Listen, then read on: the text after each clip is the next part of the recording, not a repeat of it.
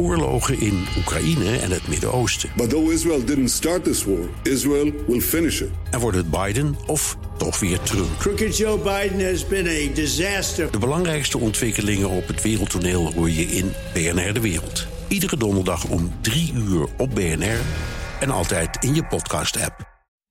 BNR Werkverkenners wordt mede mogelijk gemaakt door BrainNet. BrainNet voor zorgeloos en professioneel personeel inhuren. Nieuwsradio. Werkverkenners. Rens de Jong. Nu er zoveel moet gebeuren om de klimaatdoelen te halen, kunnen we de werkvloer niet buiten beschouwing laten. En zo schuift het klimaat dus de arbeidsovereenkomst in.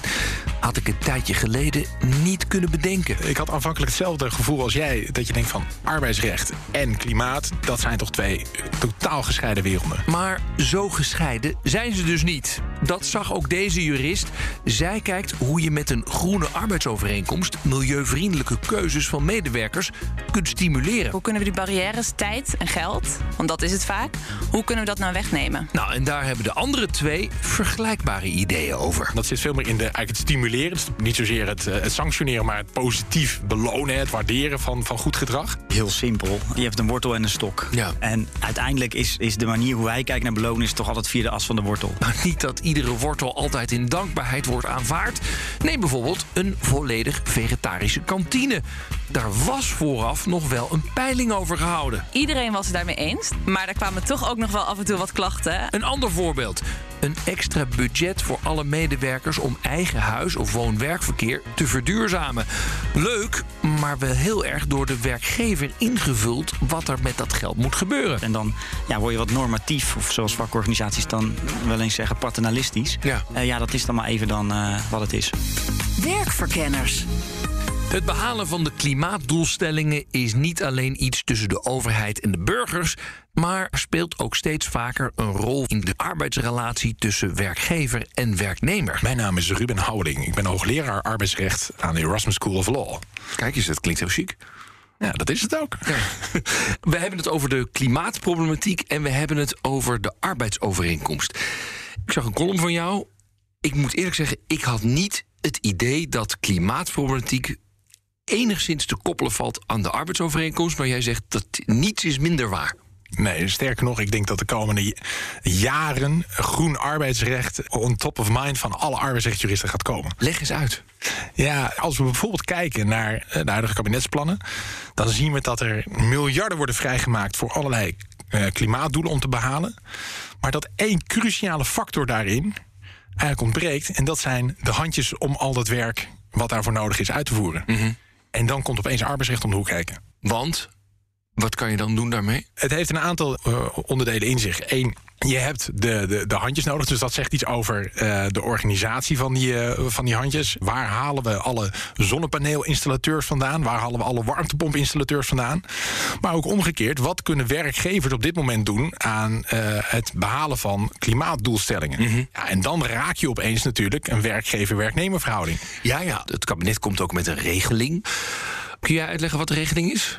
Ja, en, en daar zie je eigenlijk een eerste voorbeeld. eh, hoe eh, via de arbeidsovereenkomst eh, klimaatdoelstellingen bereikt gaan worden. En dat begint dan met eh, werkgevers te verplichten om eh, een reductie van eh, emissieuitstoot te gaan realiseren. Ja. Nou, dat moet dan in 2030 zijn gebeurd. Een flinke reductie. En dat begint dan met een nulmeting in 2023.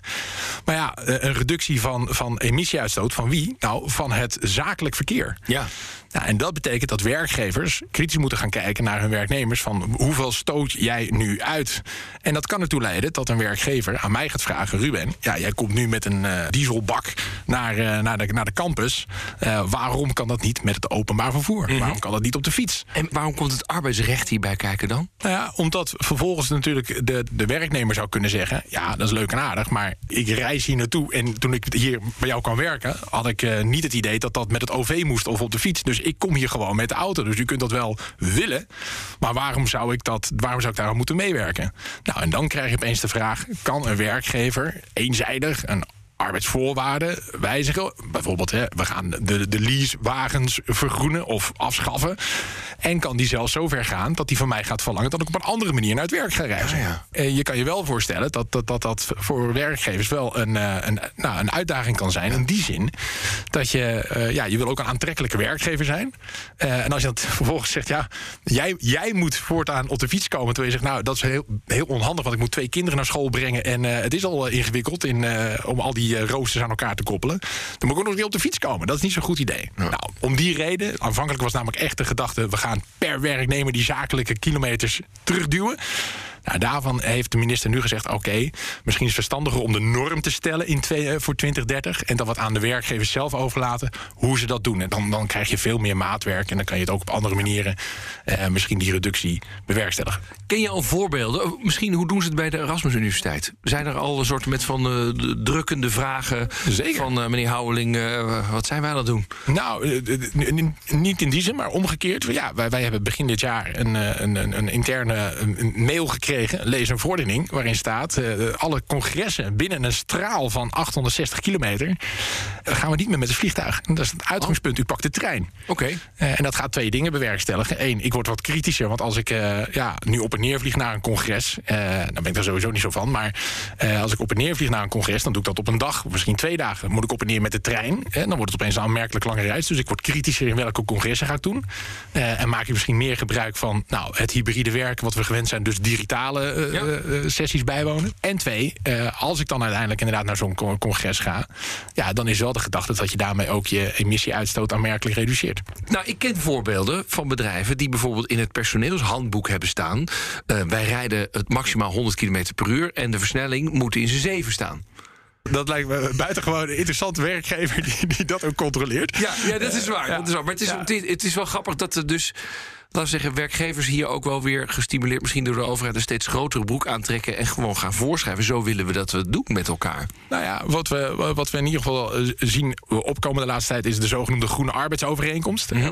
En dan zie je bijvoorbeeld dat een werkgever zegt: Nou, als jij op vakantie gaat als werknemer en je besluit om niet het vliegtuig te nemen, wat je misschien sowieso niet zo graag wil doen op dit moment eh, om in de rij te staan op een bepaalde plek in Nederland. Maar als je besluit om niet het vliegtuig te nemen, maar je pakt de trein bijvoorbeeld, dan krijg je van mij twee vakantiedagen extra. Ja. Dat je misschien langer duurt. En nou, dat zijn eh, op een positieve manier proberen gedragsinterventie te bewerkstelligen. Mijn volgende gast bedacht een manier om haar eigen groene keuzes en die van andere werknemers door de werkgever te laten stimuleren. Ik ben Savannah Komen, ik ben jurist en eh, ontwikkelaar van de Groene Arbeidsovereenkomst. Ja, want die groene arbeidsovereenkomst, daar wilde ik het met je over hebben. Wat is dat precies? Het is een arbeidsovereenkomst die duurzame keuzes stimuleert bij werknemers. Eh, bijvoorbeeld als werknemers ervoor kiezen om met de trein, fiets of benenwagen op vakantie te gaan, dan krijgen ze extra vakantiedagen en Oh. ook extra vakantiegeld. Ja, en waarom heb je zoiets opgesteld? Dat kunnen werkgevers toch allemaal zelf wel doen? Kunnen ze zeker zelf doen, maar het is wel fijn als er gewoon iets beschikbaar is wat ze gelijk kunnen gebruiken natuurlijk. Ja, het is een soort eh, template, begrijp ik. ja, precies. En wat was jouw drive om dat te doen?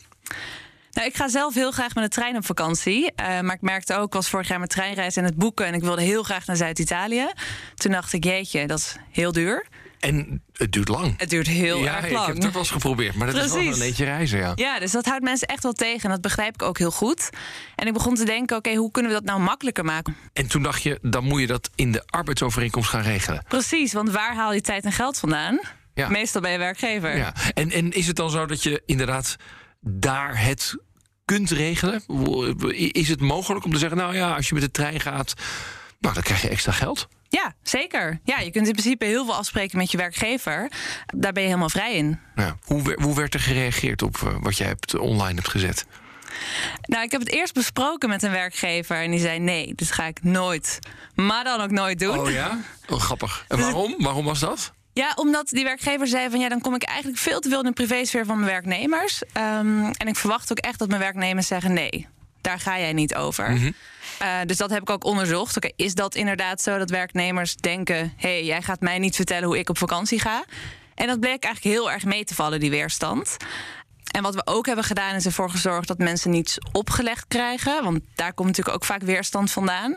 Maar de keuze gewoon heel erg bij de werknemer gelaten. Ja, ja. En, en het is een aantal honderden keren gedownload, hè? Ja. Ja, we, we weten nog niet of het gebruikt is, toch? Het kan ook gewoon interesse zijn. Kan Precies, precies. Dat klopt inderdaad. Ik weet wel van een aantal eh, werkgevers dat ze ermee aan de slag zijn gegaan.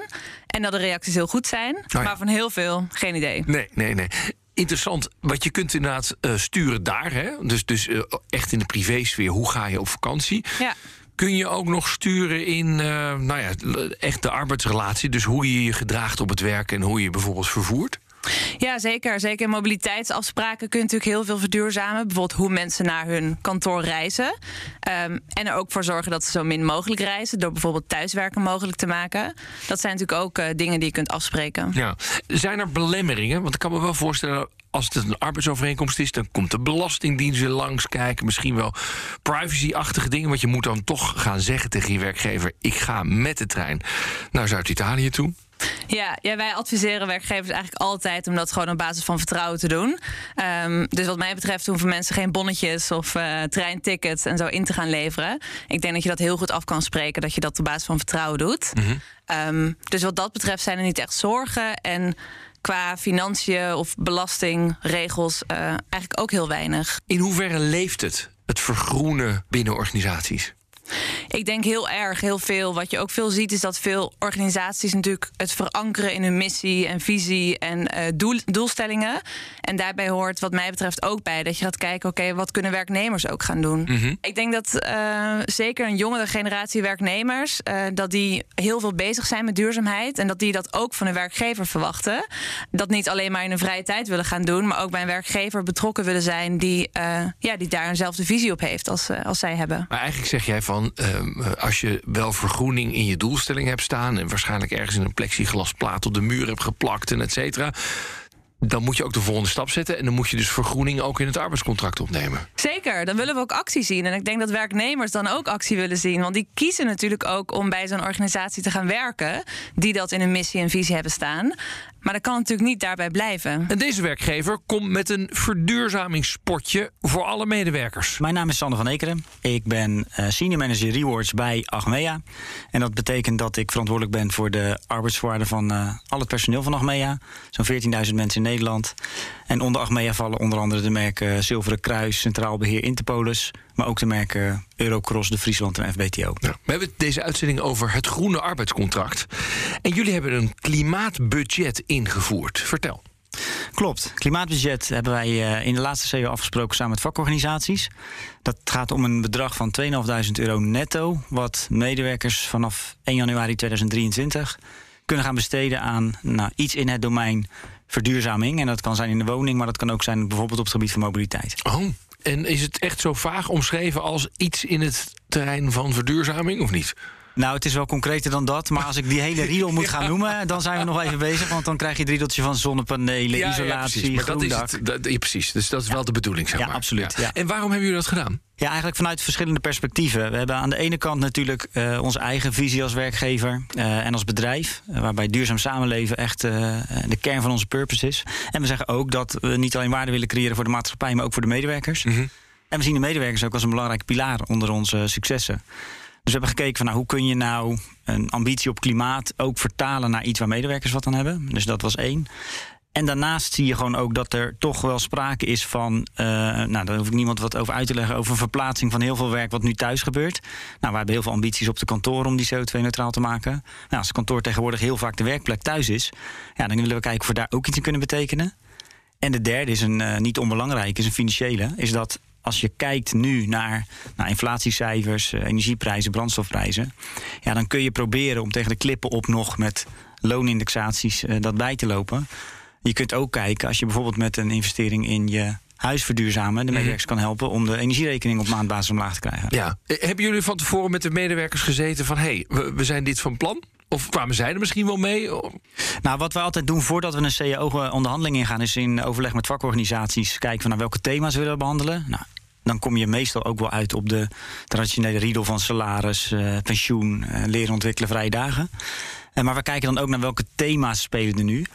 Eh, en dan moet ik eerlijk zeggen dat het niet zo is dat klimaat top of mind was het belangrijkste thema. Maar klimaat werd wel genoemd als een onderwerp waarvan mensen zeiden... daar zouden we toch wel iets in willen. Nou, daar bleef het dan bij. Dus er werd niet heel concreet, dus geef ons wat geld om eh, het huis te verduurzamen. Dus wij zijn zelf met, uh, als werkgever met het voorstel gekomen... om dat uh, invulling te geven zoals we dat gedaan hebben. Ja, ik heb deze uitzending over het groene arbeidscontract... want er kan nog veel meer. Er zijn suggesties. geef mensen iets wat langere vakantie... als ze zeggen, ik ga met de trein reizen. Want dat duurt wat langer. Of je vakantiegeld een beetje hoger... als je een treinreis boekt in plaats van een vliegtuig. Hoe kijken jullie naar dat soort gradaties? Ja, hoe er nu naar gekeken wordt vanuit het groene arbeidscontract, ja, dat vind ik alleen maar uh, bewonderenswaardig. Dat je op die manier durft te denken van oké, wat zou we nog meer kunnen doen? Maar zou dat iets voor Achmea zijn? Of nou, het is wel iets waar ik zeker uh, bereid ben naar te kijken. Ik ja. vond die suggestie, hè, als je op vakantie gaat met de trein, kan daar eventueel dan een, uh, een extra vrije dag tegenover staan. Ja, dat vind ik hele interessante gedachten. Straks de vraag hoe je je verduurzamingsambities nou precies kunt aanpakken binnen het arbeidsrecht. Dat klimaatbudget van Achmea bijvoorbeeld mag dat ook in het huis van iemands broer worden gestopt? Dat is echt een hele mooie gedachte, Rens. En, en gelukkig hebben wij ook collega's die die vraag ook al gesteld Oh ja. hebben. Rens de Jong. Maar eerst maar eens even kijken wat de gemiddelde medewerker van deze goed bedoelde bemoeienis vindt. Want, leg ik voor aan jurist Savannah Komen, hoe je bijvoorbeeld op de vakantie gaat, dat is toch een persoonlijke keuze. Het blijft ook een persoonlijke keuze. Maar als je de goede keuze kiest, dan word je beloond. Ja. Hoor je veel weerstand of valt het mee? Het valt mee. Ik had eigenlijk veel meer verwacht. Maar wat we ook zien is dat vooral organisaties hiermee aan de slag gaan... die al een bepaalde duurzame inslag hebben. Mhm. En dan voelt het eigenlijk voor werknemers heel logisch om ook dit te gaan doen. Ja. Ik heb ook wel eens gehoord bedrijven die zeiden... nou, we zitten in de, de duurzame energie. Laten we dan ook maar gewoon een vegetarische kantine nemen. Ja, dat soort verhalen ken ik ook, inderdaad. Uh, dat hebben we ook opgenomen in de arbeidsovereenkomst. Daar staat ook in, als de werkgever lunch aanbiedt, dan is die vegetarisch. Oh ja. Hoe wordt daarop Ja. gereageerd? Ja, dat, is, eh, dat hebben we ook eh, getest bij werknemers. Dus we hebben een survey uitgezet bij een bedrijf van 50 werknemers... en gevraagd wat zij ervan vinden als de lunch vegetarisch wordt. Daar was algemene consensus over. Ik denk bij mezelf hartstikke goed. En je Ja. wordt als werkgever een beetje te duwen. Maar ja, we maken soms tussen werkgever en werknemer al ruzie over de kleinste dingetjes. En nu ga je dus enorm sturen op vakanties, op wat je mag eten. Weet je wel, willen werkgevers wel in die positie zitten? Ja, dat is denk ik een hele goede vraag. En ik denk dat het ook echt een afweging is voor werkgevers. Voor heel veel werkgevers zal die afweging anders uitpakken dan voor andere werkgevers. Ik denk vooral dat het heel belangrijk is om dit niet op te leggen of in je eentje gaan te beslissen als werkgever, maar ook vooral om input te vragen van werknemers. Wat vinden jullie daarvan? Wat vinden jullie van deze afspraken? Vinden jullie dat er nog andere dingen afgesproken moeten worden? En dat is eigenlijk de enige manier om daarachter te komen. En je wilt dus in die arbeidsovereenkomst eh, incentives inbouwen. Van, hey, Precies. ja. Dan aan hoogleraar arbeidsrecht Ruben Houweling de vraag of het ook niet oneerlijk is om de een meer vakantiedagen te geven dan de ander. Daar zie je opnieuw zo'n mooi voorbeeld van... hey, hier komt arbeidsrecht weer om de hoek kijken. Met, met de beste intenties wil je dingen doen. eh, maar leidt dat niet tot, tot juridische eh, vragen of conflicten? Ik denk in dit geval dat, dat, dat het prima kan. Omdat je dan zegt, ja, je zegt ongelijk. Maar ik zeg, nou, maar het zijn ook geen gelijke gevallen. Jij vliegt, ik niet. Ja. Eh, en dat maakt, eh, dat maakt het verschil. Nou, en dat, op die manier kan een werkgever wel het een en ander bewerkstelligen. Ja. Enig idee wat de gemiddelde werknemer vindt eigenlijk van een bemoeienis van de werkgever? Nou, dat is heel wisselend. Ik denk dat op dit moment het spreekt een bepaalde groep aan. Eh, een deel van, van We Werken Nederland vindt dat heel belangrijk. Eh, en ik zie dat toch vooral ook eh, onder nou, studenten die net de collegebanken verlaten. Ja, die zijn, zijn toch in toenemende mate geïnteresseerd in van waar ik werk. Wat voor footprint laat dat na? En dat zal ook alleen maar de komende periode toenemen. Maar er is ook gewoon een hele grote groep werkers die zegt: "Wa- val me er alsjeblieft niet mee lastig. Eh, dat ik bomen krijg geplant in plaats van eh, een bonusregeling. Ja, maar heel mooi hoor. Maar geef mij toch maar die paar euro extra voor de caravan. Maar ook omgekeerd, hè, toch even terug op het punt van arbeidsrecht. Ik ben bijvoorbeeld advocaat en ik bedien een, eh, een, een cliënt. En ik zeg ja tegen mijn werkgever: van, Ik vind het eigenlijk ingewikkeld dat ik hier nu voor een, voor een groot vervuiler. Oh ja. allerlei juridische slimheidjes aan het uithalen ben. om eigenlijk te voorkomen dat die, dat die versneld gaat vergroenen. Daar heb ik heel veel moeite mee. Dat wil ik niet meer. Ja, is dat werkweigering? Oh ja. Kan dan die werkgever zeggen, ja, dat is leuk, maar eh, je moet gewoon je If werk uitvoeren. jump, you say how high. Ja. Exact, exact. Eh, En, en, nou, ja, En is daar enige jurisprudentie over? Of moet je daar echt inderdaad in een groene arbeidscontract iets over afspreken? Eh, Zo'n concreet voorbeeld hebben we nog geen, eh, geen jurisprudentie over. We hebben het wel gezien in bijvoorbeeld eh, al de eerste gevallen eh, in de COVID-periode. Dat iemand zegt: Ja, ik vind het ingewikkeld dat ik zaken moet doen met een collega van mij. die zegt dat corona niet bestaat. Eh, en, en ja, dat kan ik gewoon niet serieus nemen. Dus ik doe geen zaken meer met hem. Nou, dat is eigenlijk een vergelijkbaar vraagstuk naar dit onderwerp. Veelal wordt het nu natuurlijk in de min opgelost. Dan praten we over een andere, nou, andere persoon op deze cliënten. Dan ga jij maar wat anders doen. Maar ja, uiteindelijk eh, eh, zijn dat dan de juridische knelpunten. De vakbonden reageerden wat ambivalent op het klimaatbudget van Achmea. Vertelt senior manager Rewards Sander van Ekeren. Laat ik vooropstellen dat vakorganisaties ook klimaat en verduurzaming echt belangrijk vinden. Dus laat daar geen misverstand over bestaan. Maar vakorganisaties zijn primair ook natuurlijk voor het salaris van medewerkers. Dus zij zeggen eigenlijk heel concreet: ja, als het is in plaats van salarisstijging, ja, dan vinden we het eigenlijk niet zo'n goed idee. Ja. Als het bovenop de salarisstijging is, dan eh, staan we te applaudisseren. Ja. Ja, en dan kun je vanuit twee perspectieven naar kijken. Wij zeggen niet zozeer het is in plaats van een salarisstijging. En het is ook niet zoals we dit niet gedaan hadden, was de salarisstijging hoger geweest. Maar het wordt zo wel voor een deel ervaren. Ja, maar, nou, ik kan me ook wel voorstellen dat mensen gaan zeggen... nou, ja, allemaal leuk hoor, maar had me gewoon die 2500 euro gegeven... bepaal ik zelf wel wat ik ermee doe. Eh, ja, je, je had zo aan de onderhandeltafel kunnen zitten. dat, eh, dat, dat geluid is er zeker ook. Ja. Dus we zien echt En waarom wel... zet je dan wel door? Ja, kijk, we leven in een democratie. En Achmea is echt een bedrijf wat heel goed luistert naar medewerkers. Er zit voor mij altijd een heel relevant verschil in tussen luisteren naar wat mensen zeggen en ook doen wat mensen zeggen. Dat is voor mij wel een hele belangrijke nuance. Dus we luisteren naar de input en we kijken wat we ermee kunnen doen. Maar uiteindelijk heb je ook een eigen visie op hoe je vindt dat dingen moeten gaan. Ja, en dan hou je toch een keer vast. Ja, ben je daar niet bang voor? Dat paternalistische, hè? Nou, bang voor het is er. Dus, dus Ja. ook al gaan we het anders formuleren, of er komt dat geluid is er altijd. Ja, ik kan me best voorstellen dat je ook in de board hebt gediscussieerd... van is dit niet te paternalistisch? Zeggen wij nu niet heel erg veel wat mensen thuis moeten gaan doen? Of dat Ja. we sturen, laat ik het zo zeggen. Ja, nou, daar kun je in mijn beleving op twee manieren naar kijken. Dus we, hebben, we hebben dat gesprek gevoerd, uiteraard. Ja. Kijk, als het geld al van de mensen is en je gaat vervolgens vertellen wat ze ermee moeten doen, dan, dan is het vrij paternalistisch. Ja. Alleen hoe wij er naar kijken is.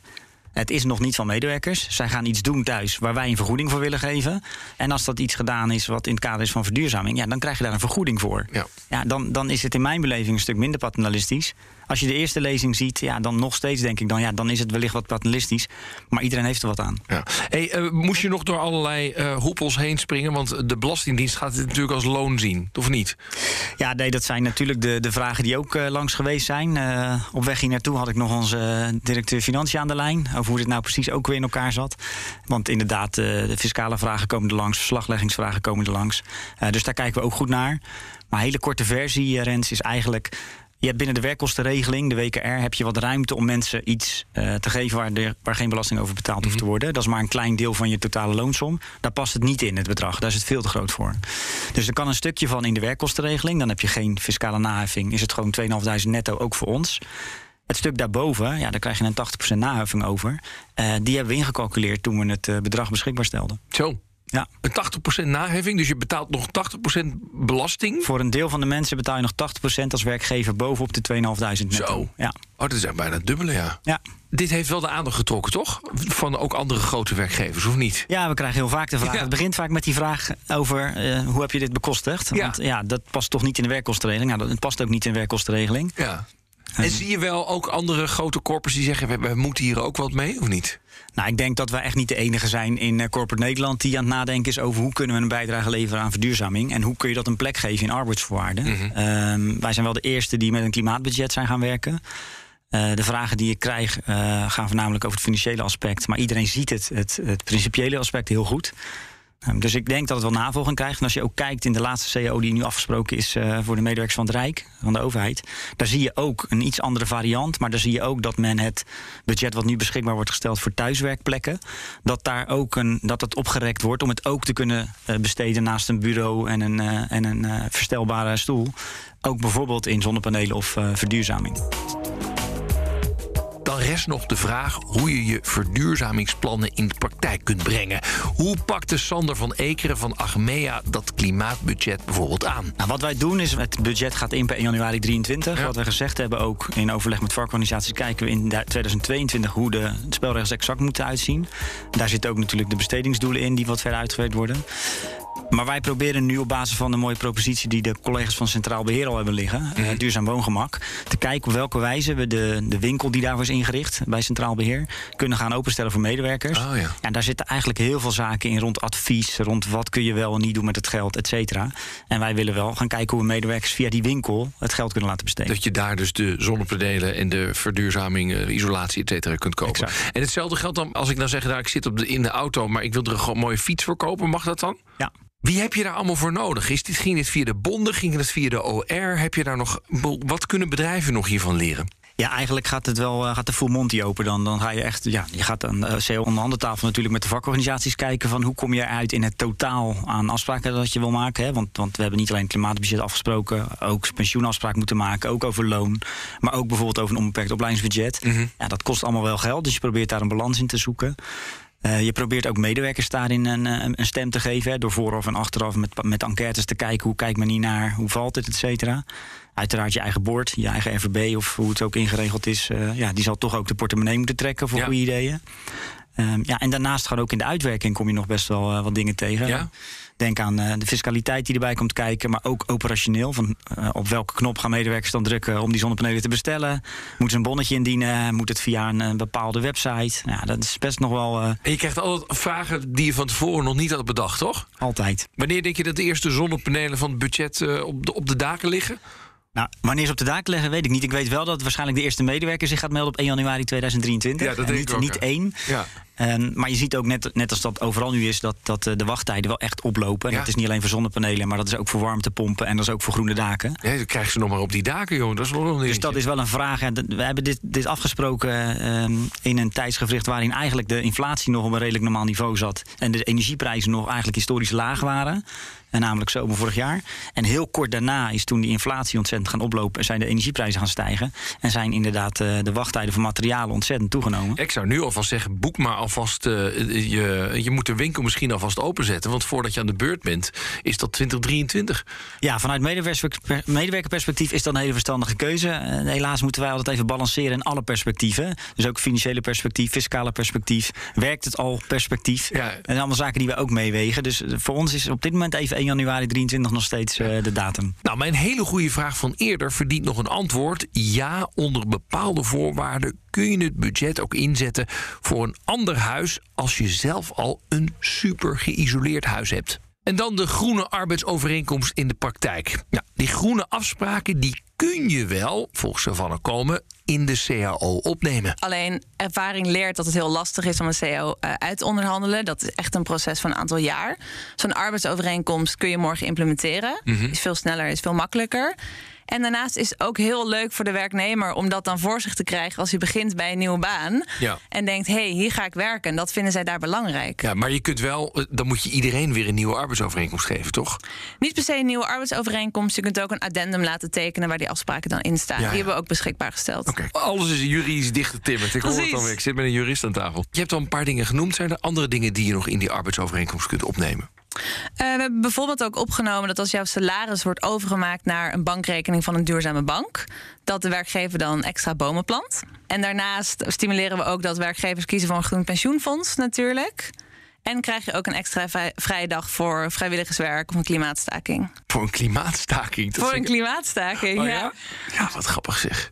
Andere de regelingen, bijvoorbeeld, eh, jongens, eh, mensen die privé met een dieselauto rijden. Ja, die willen- krijgen geen parkeerplek meer. Nou, bijvoorbeeld. Dat Ja? zou heel mooi zijn. Ja. zou- staat dat erin of niet? Staat er niet in, maar ik zou werkgevers heel erg aanmoedigen om dat wel eh, af te gaan spreken. Mochten werknemers dat ook oké vinden, natuurlijk. Kijk, wat je wil is draagvlak. Ja, Natuurlijk, half Nederland ligt op zijn kop vanwege de boeren en over het stikstofbeleid, et cetera. Daar Ja. zie je al.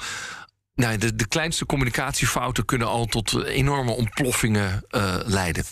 Ik ben zo bang dat je dit met allerlei goede bedoelingen ook wel ontzettend kunt laten derailen bij een bedrijf. Ja, en daarom is het denk ik ook zo belangrijk om een gesprek te blijven en dat niet eenzijdig op te gaan leggen, maar echt aan mensen te vragen, input te vragen en te vragen wat zij ervan vinden. Ehm, en in de Groene Arbeidsovereenkomst staat ook dat iedere organisatie een werkgroep, taskforce, commissie, wat dan ook moet oprichten om toe te zien op de implementatie, maar ook om in gesprek te blijven met iedereen op de werkvloer, met alle werknemers. Een ander groot issue bij het halen van klimaatdoelstellingen is het vinden van voldoende groene handjes om dat wat echt nodig is ook echt uit te voeren. Dat kaartte hoogleraar Ruben Houweling al even aan. Als je nu kijkt naar de kabinetsbegroting, dan zie je dat uh, een ministerie van, van, Klimaat miljarden heeft om uit te geven. Uh, maar eigenlijk niet zo goed weet uh, hoe we dat precies gaan doen. En vooral die cruciale factor van de handjes mist. Mhm. Als je dan vervolgens kijkt naar, naar, naar de begroting van sociale zaken. Die, die, die, die moet met 500 miljoen moet het eigenlijk de klus klaren, inclusief armoedebestrijding. Nou, die, eigenlijk bijna niks. Terwijl eigenlijk die, die, die, dat ministerie van Sociale Zaken cruciaal hierin is. En in een extreem geval, daar zijn we nu gelukkig nog niet, maar in een extreem geval zou je wel kunnen voorstellen. Zeg jongens, ja, we moeten die transitie gaan, uh, gaan, gaan maken. En dat betekent dat de vrijblijvendheid er misschien op een gegeven moment afgaat. En dat we veel meer gaan sturen. Jij maakte een vergelijking met een wet uit volgens mij de jaren 70, uh, waar, waar je bijna verordeneerd kunt worden in een oorlogsdreiging. We hebben je daar nodig. Klopt, klopt. We hebben in uh, de jaren 70 hebben een, een, een, wet opgesteld met elkaar. Dat is de noodwet arbeidsvoorzieningen. Uh, en die, die regelt eigenlijk wat doen we op het moment dat we in een acute dreiging komen. Mm. En natuurlijk in de jaren 70, maar je zou kunnen zeggen... Koude oorlog, we zitten er nu weer in. We zitten midden in die koude oorlog, dus uh, zo koud is die eigenlijk niet meer. Nee. Maar de gedachte was, wat als er aan de grens inderdaad een vijand staat... Uh, wat, wat, wat gaan we dan doen? Nou, dan moeten we heel gericht, gecoördineerd... moet die oorlogseconomie draaien. Dus we hebben verband nodig, we hebben mensen aan, aan, aan bedden nodig... we hebben oorlogsmateriaal nodig. En dan, ja, dan gaan we tegen een hoogleraar arbeidsrecht zeggen... sorry, jij gaat nu eventjes zandzakken vullen. Ja. En dat, uh, dat kunnen we lief vragen, maar we kunnen ook gewoon jou verordeneren. En als jij dan zegt, maar dat kan niet, want ik heb een concurrentiebeding. En dan zeg nou, dat geldt niet. Dus dat is een hele enorme sturing. En als je natuurlijk twee seconden hierover nadenkt, die zegt, dit gaat om een bedreiging van een land. En je zegt, Nederland heeft misschien wel last van klimaatverandering. Uh, omdat we dijken hebben die maar zo, ver omhoog uh, getrokken kunnen worden. Dus vroeg of laat wordt dat een, reëel, reële vijand. Zou je dan eigenlijk niet kunnen, kunnen betogen dat, dat dat wettelijk instrument wat we hebben liggen... zou ook voor zo'n situatie kunnen worden ingezet. En sterker nog, in de COVID-pandemie... we zijn het bijna weer vergeten, hoewel er uh, geloof ik weer midden, midden in de golf zitten... maar in de COVID-pandemie, begin 2020, toen, toen is dat even te sprake gekomen van moeten we nu die wet uh, oh ja? uit de kast halen. Ja. Toen zei maar, nou, dit is, uh, zo erg is het nog niet. Het, het, is nog geen oorlog. Het is nog geen oorlog. Misschien dat we achteraf op terugkijken en zeggen, nou, dat was misschien achteraf gezien toch best wel een uh, intense periode. Dat was het ook, denk ik. Maar om aan te geven, het institutioneel kader, om het maar met een duur woord te zeggen, dat, dat, dat, dat ligt er wel. Maar zou je dan kunnen zeggen, we hebben voor die klimaattransitie, hebben we, bijvoorbeeld, zonnepaneelinstallateurs nodig? En, uh, en veel ook. En ja. dat je tegen mensen zegt, ja, u, u wil nu dat gaan doen. Uh, weet ik veel, uh, yoghurt rondbrengen op, op een brommertje hier in Amsterdam. Maar dat is niet wat u gaat doen. We willen u op het dak hebben. Ja, je, je zou je kunnen voorstellen, in, een, in, in een extreme situatie zou dat dus denkbaar zijn. En we hebben daar dus het instrument hebben we eigenlijk al liggen. Kijk, een andere vraag is, dat is niet hoe je in Nederland met elkaar uh, wil, nee. wil, wil omgaan. En op het moment dat we zeggen, wij gaan u nu verplichten iets te doen, dat, dat, dat, dat, dat werkt niet. Dus het zal echt je last uh, resort zijn om, om, om dit toe te passen. Maar ja, de gedachte van uh, ook daar speelt het recht een rol, absoluut waar. Conclusie van deze uitzending. Ja, klimaat en arbeidsrecht hebben alles met elkaar te maken. Werkgevers en werknemers zijn hard nodig om de klimaatdoelstellingen te halen. En dat wordt eerder meer dan minder. Nou, je kunt van alles regelen binnen het beleid van de organisatie en met de groene arbeidsovereenkomst. En dat kun je, zo hoor ik van al mijn gasten, veel beter doen met regelingen die stimuleren dan door te sanctioneren. Een paar voorbeelden: extra vakantiedagen en vakantiegeld voor wie met de trein gaat, gegarandeerde parkeerplekken voor elektrische auto's en, jawel, die vegetarische kantine. En we speelden nog eventjes met de gedachte om een noodwet in te zetten die bij dreiging van oorlog maakt dat arbeidskrachten overal weggeplukt kunnen worden om ingezet te worden waar ze het hardste nodig zijn. En de vraag is dan: is klimaatverandering net zo bedreigend voor Nederland als een oorlog? Nou, dat punt zouden we wel kunnen bereiken. En dan zijn er dus arbeidsrechtelijk zeker mogelijkheden om snel aan meer groene handjes te komen. Maar ja, laten we hopen dat het niet zo ver komt en dat we dus met elkaar vrijwillig hard aan de gang gaan. Dit was Werkverkenners voor deze week. Volgende week dinsdag dan krijg je weer een verse om half vier. En in je podcast-app kun je hem op ieder moment terugluisteren. Tot de volgende keer. Dag. BNR Werkverkenners wordt mede mogelijk gemaakt door BrainNet. BrainNet voor zorgeloos en professioneel personeel inhuren. Baby BNR ben je altijd als eerste op de hoogte van het laatste nieuws. Luister dagelijks live via internet. Bas van Werven. En heel langzaam komt de zon op rond dit tijdstip. Je krijgt inzicht in de dag die komt op BNR, het Binnenhof in Nederland en de rest van de wereld. De Ochtendspits. Voor de beste start van je werkdag. Blijf scherp en mis niets.